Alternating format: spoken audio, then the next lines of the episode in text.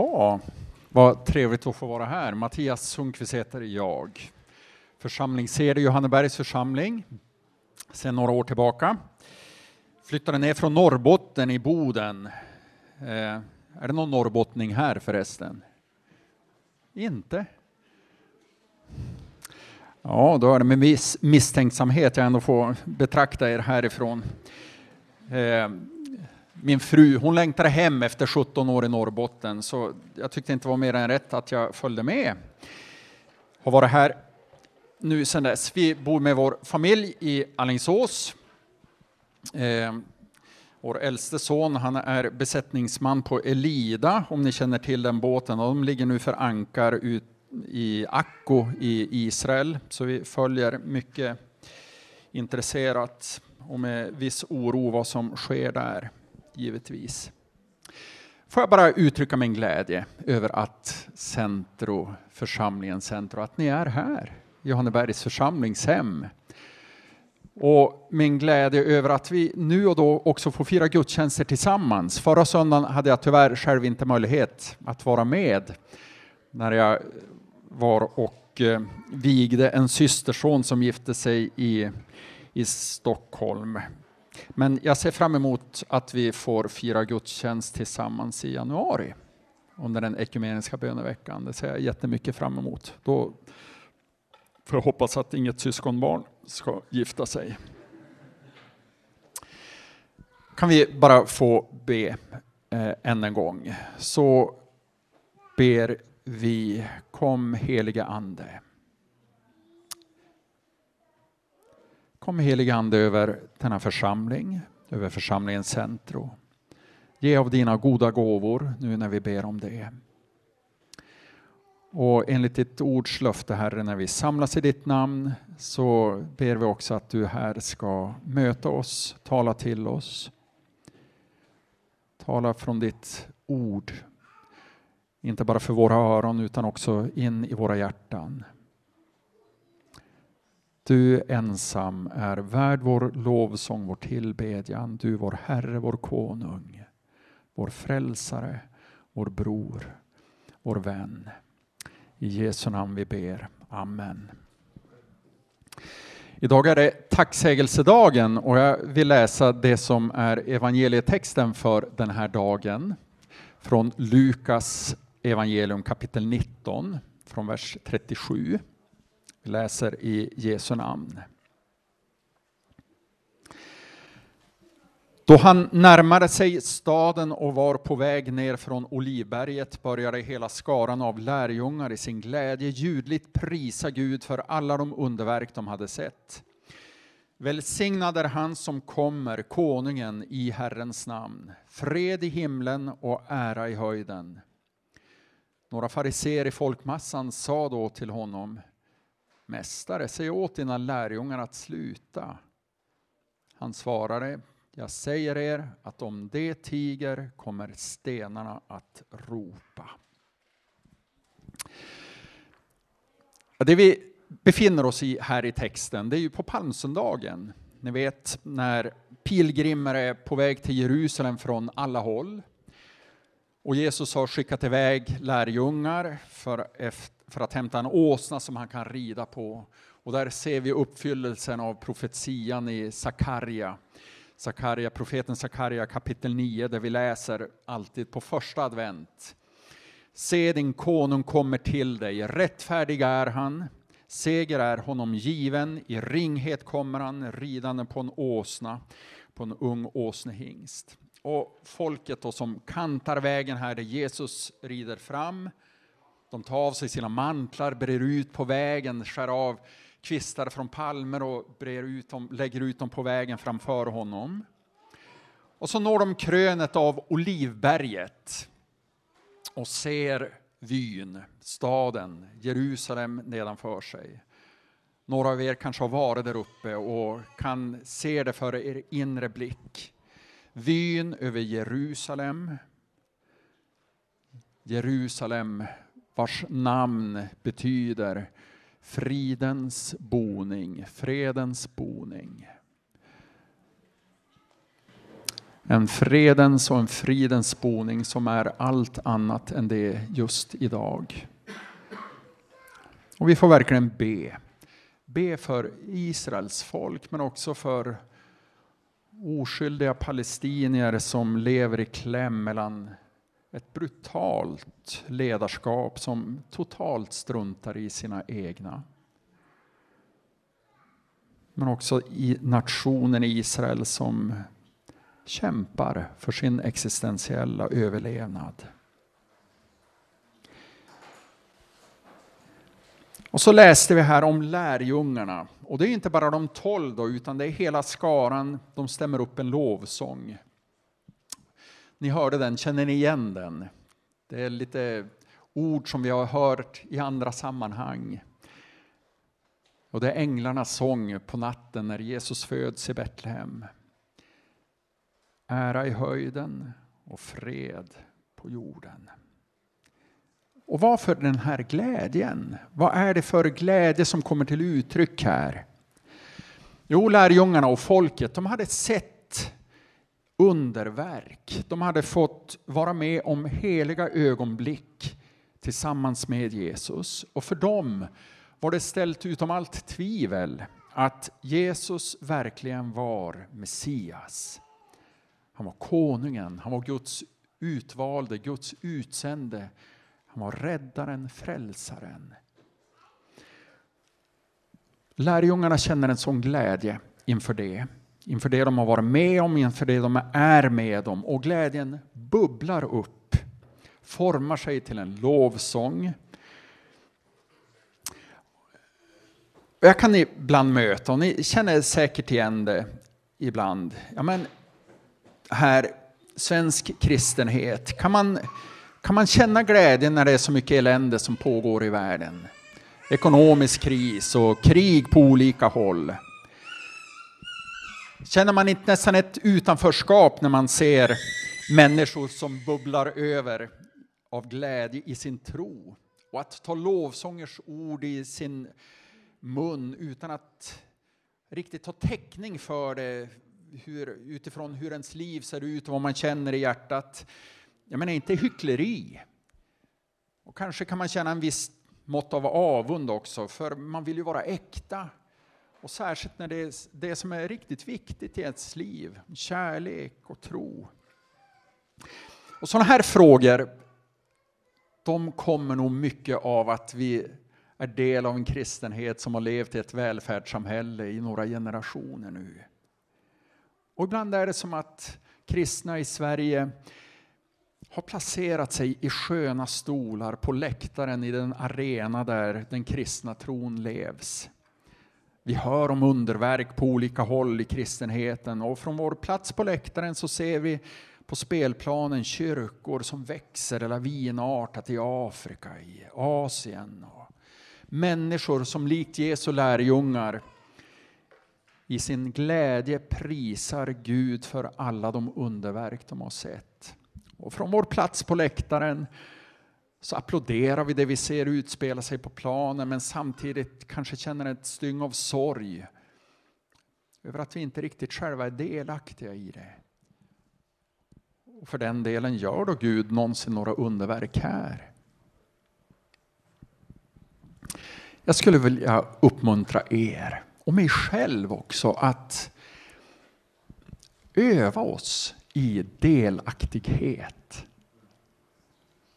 Att se att det som sker i kristenheten i stort runt om vår värld, det angår oss. Det berör oss, vi är delaktiga i det och vi kan öva oss i denna delaktighet.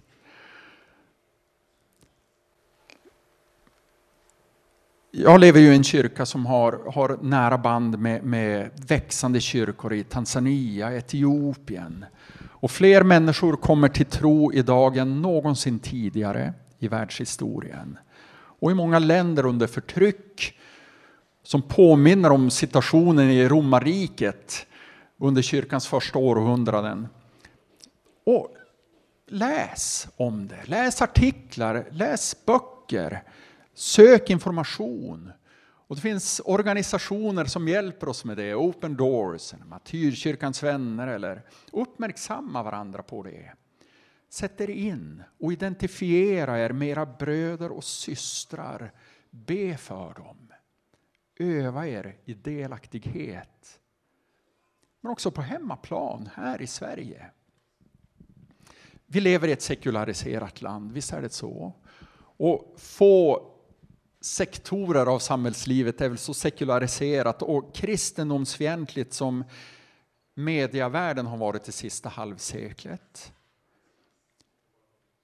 Och då är det ju, tycker jag, extra anmärkningsvärt att ganska tongivande journalister nu och då kommer till tro och berättar om det. Vi har haft tidigare någon sån som Ingela Agard, kanske någon kommer ihåg, Göran Skytte, Maria Kyrchen, Elisabeth Sandlund. Ja, men läs deras böcker, för de är en påminnelse om att Gud inte på något sätt har tagit sin hand från vår, vårt land. Det sker underverk också här. Igår var jag på ett möte i Allingsås i kyrkan där Charlotte Rört medverkar. Jag vet inte om ni har stött på henne. Dansk journalist. Eh, 60-årsåldern. Fram till för 15 år sedan beskrev hon sig själv som en ja, vanlig sekulariserad man är inte Medelsvensson i Danmark, men är någonting annat kanske där. Medel Jensen. Eh, totalt sån andligt ointresserad, absolut inte en sökare. Men under en resa i Spanien så gick hon in i en kyrka. Det pågick en turistvisning där, hon satte sig ner i en bänk. Och medan hon sitter där så öppnar sig ett landskap framför henne. Och Jesus kommer gående mot henne. Hon vet att det är Jesus. Hon är inte i trans eller borta på något sätt. Hon är fullt medveten om vad som pågår där i kyrkan. Och Jesus kommer fram till henne och ser på henne och börjar tala till henne. Hon säger det är bra. Han säger det är bra att du är här. Och hon berättar hur han ser på henne med en opersonlig blick, för hon vet att det är inte bara på henne Jesus tittar. Den blick med vilken han tittar på henne gäller hela mänskligheten. Så på det sätt är blicken opersonlig. Men, säger hon, det är den mest personliga blick jag någonsin har mött. Och hennes liv förvandlas då och där. Hon har skrivit böcker om detta.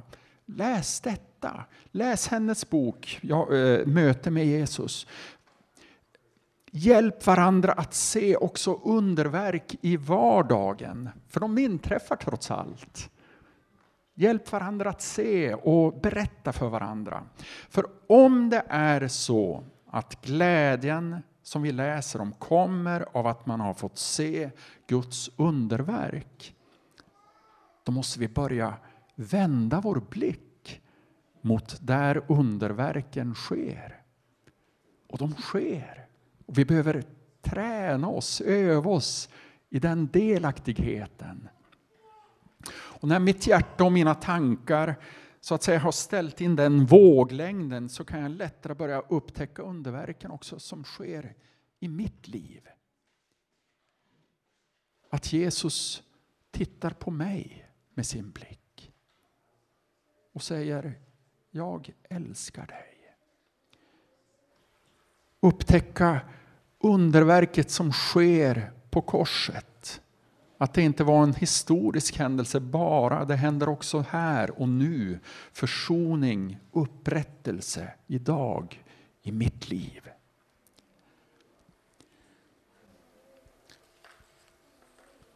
Fariseerna läser vi blir upprörda. Mästare, säg åt dina lärjungar att sluta. Vad är det som provocerar dem? Är det glädjen? Ja, glädjen kan ju ibland provocera, men det är inte glädjen här. Det är inte lärjungarnas glädje som provocerar fariseerna. Ja, det är bekännelsen som provocerar. De ger ju faktiskt uttryck för en stor respekt när de tilltalar Jesus. De säger mästare. För de har också hört Jesus tala och de känner igen en god lärare när de hör honom. En rabbi. En mästare.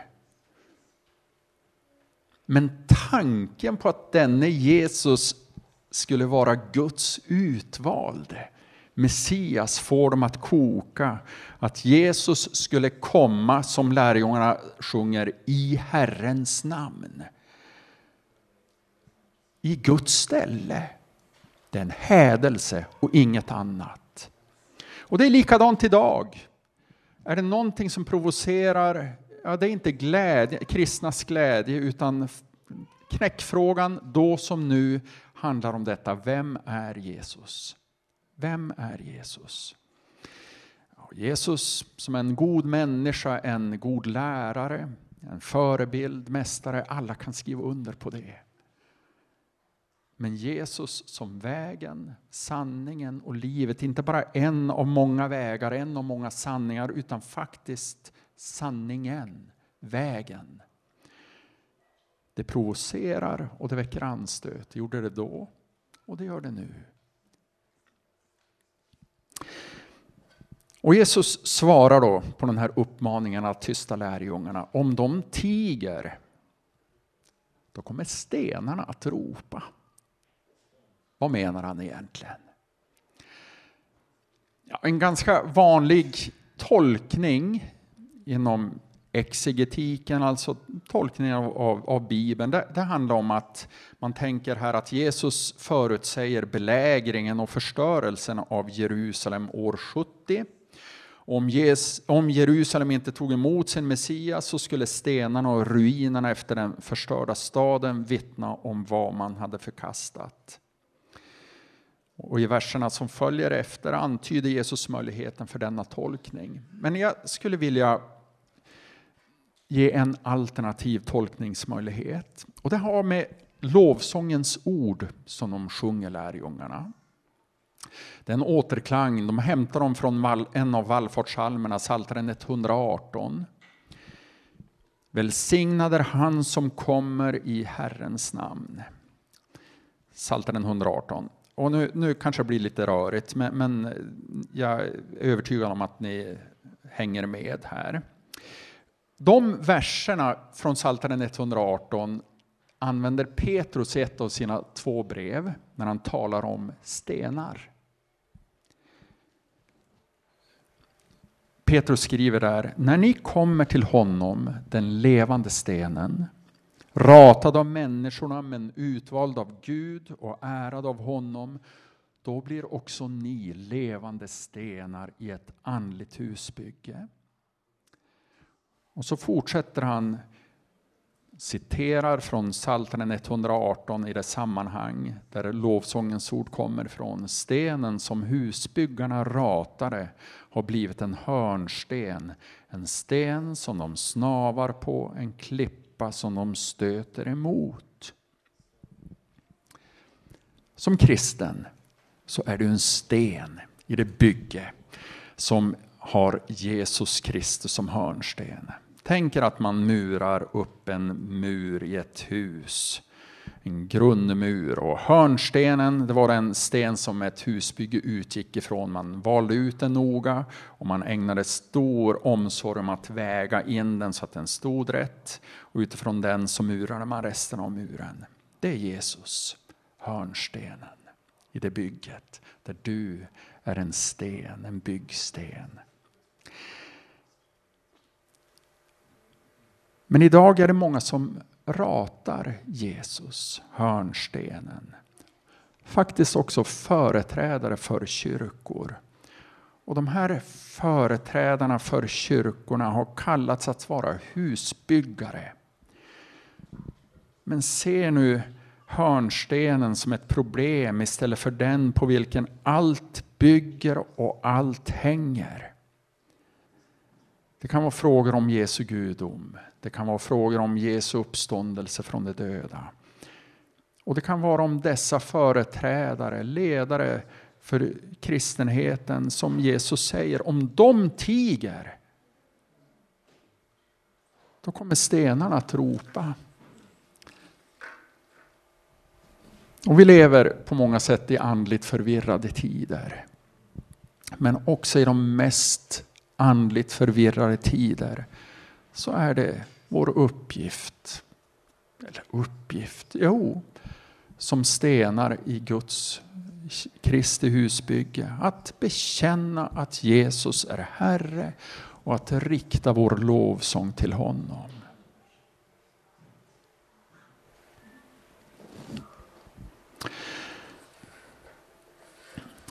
Direkt efter vår text här i Lukas 19 så fortsätter Jesus närmare staden och när han ser Jerusalem så börjar han gråta över staden.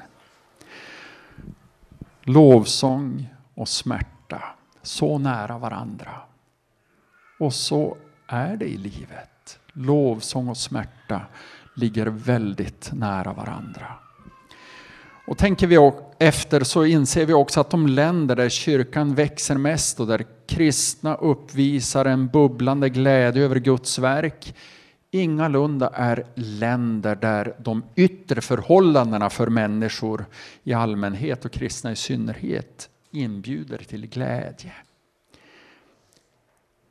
Och tanken att få leva i ett sammanhang som i Sverige som huvudsakligen präglas av ja, ekonomisk kris och en del andra kriser. Det kan te sig nog så lockande för den som lever i kris på många, många fler områden. Och dessutom tanken att lovsång bara kan födas där livets omständigheter är gynnsamma. Det är en ganska dålig teologi, vet ni det? Smärta och lovsång ligger nära varandra, lever nära varandra.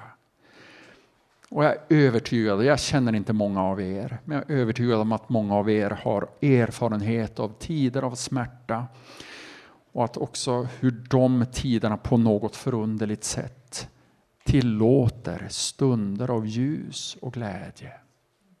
Lovsång.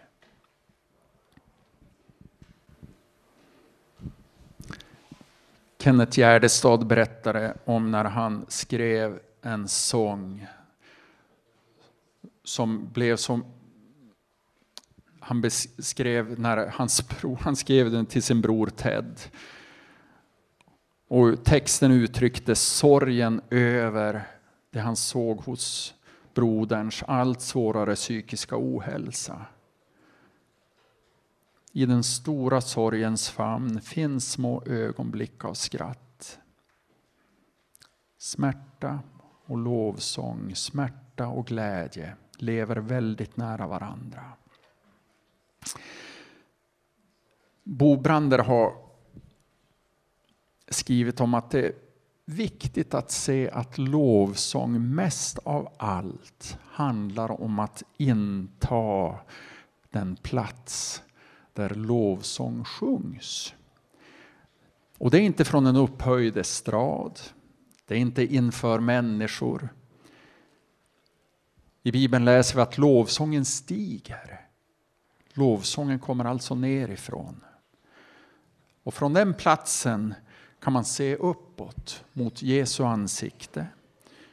Och det är ett ansikte med tårar av både tacksamhet och glädje. Och det är från den plats där man känner både hunger och rent av sorg. Den plats där man vet att man är i behov av tröst. Och det är en plats som är fri från sångarens förträfflighet. den plats där man vet att Jesus är nära. Där växer lovsången, där stiger lovsången. Och inte sällan stiger lovsången mitt i smärtan. För lovsången vet att han som besjungs är tröst i sorgen. Att han är ljus i mörker och vilsenhet. Att han som besjungs är kraft och läkedom när livet är söndrigt och sårigt och utmattat. Då är det en lovsång till Jesus. Men det är också ett indragande av honom i den som lovsjunger. Lovsång bereder plats för Jesu närvaro.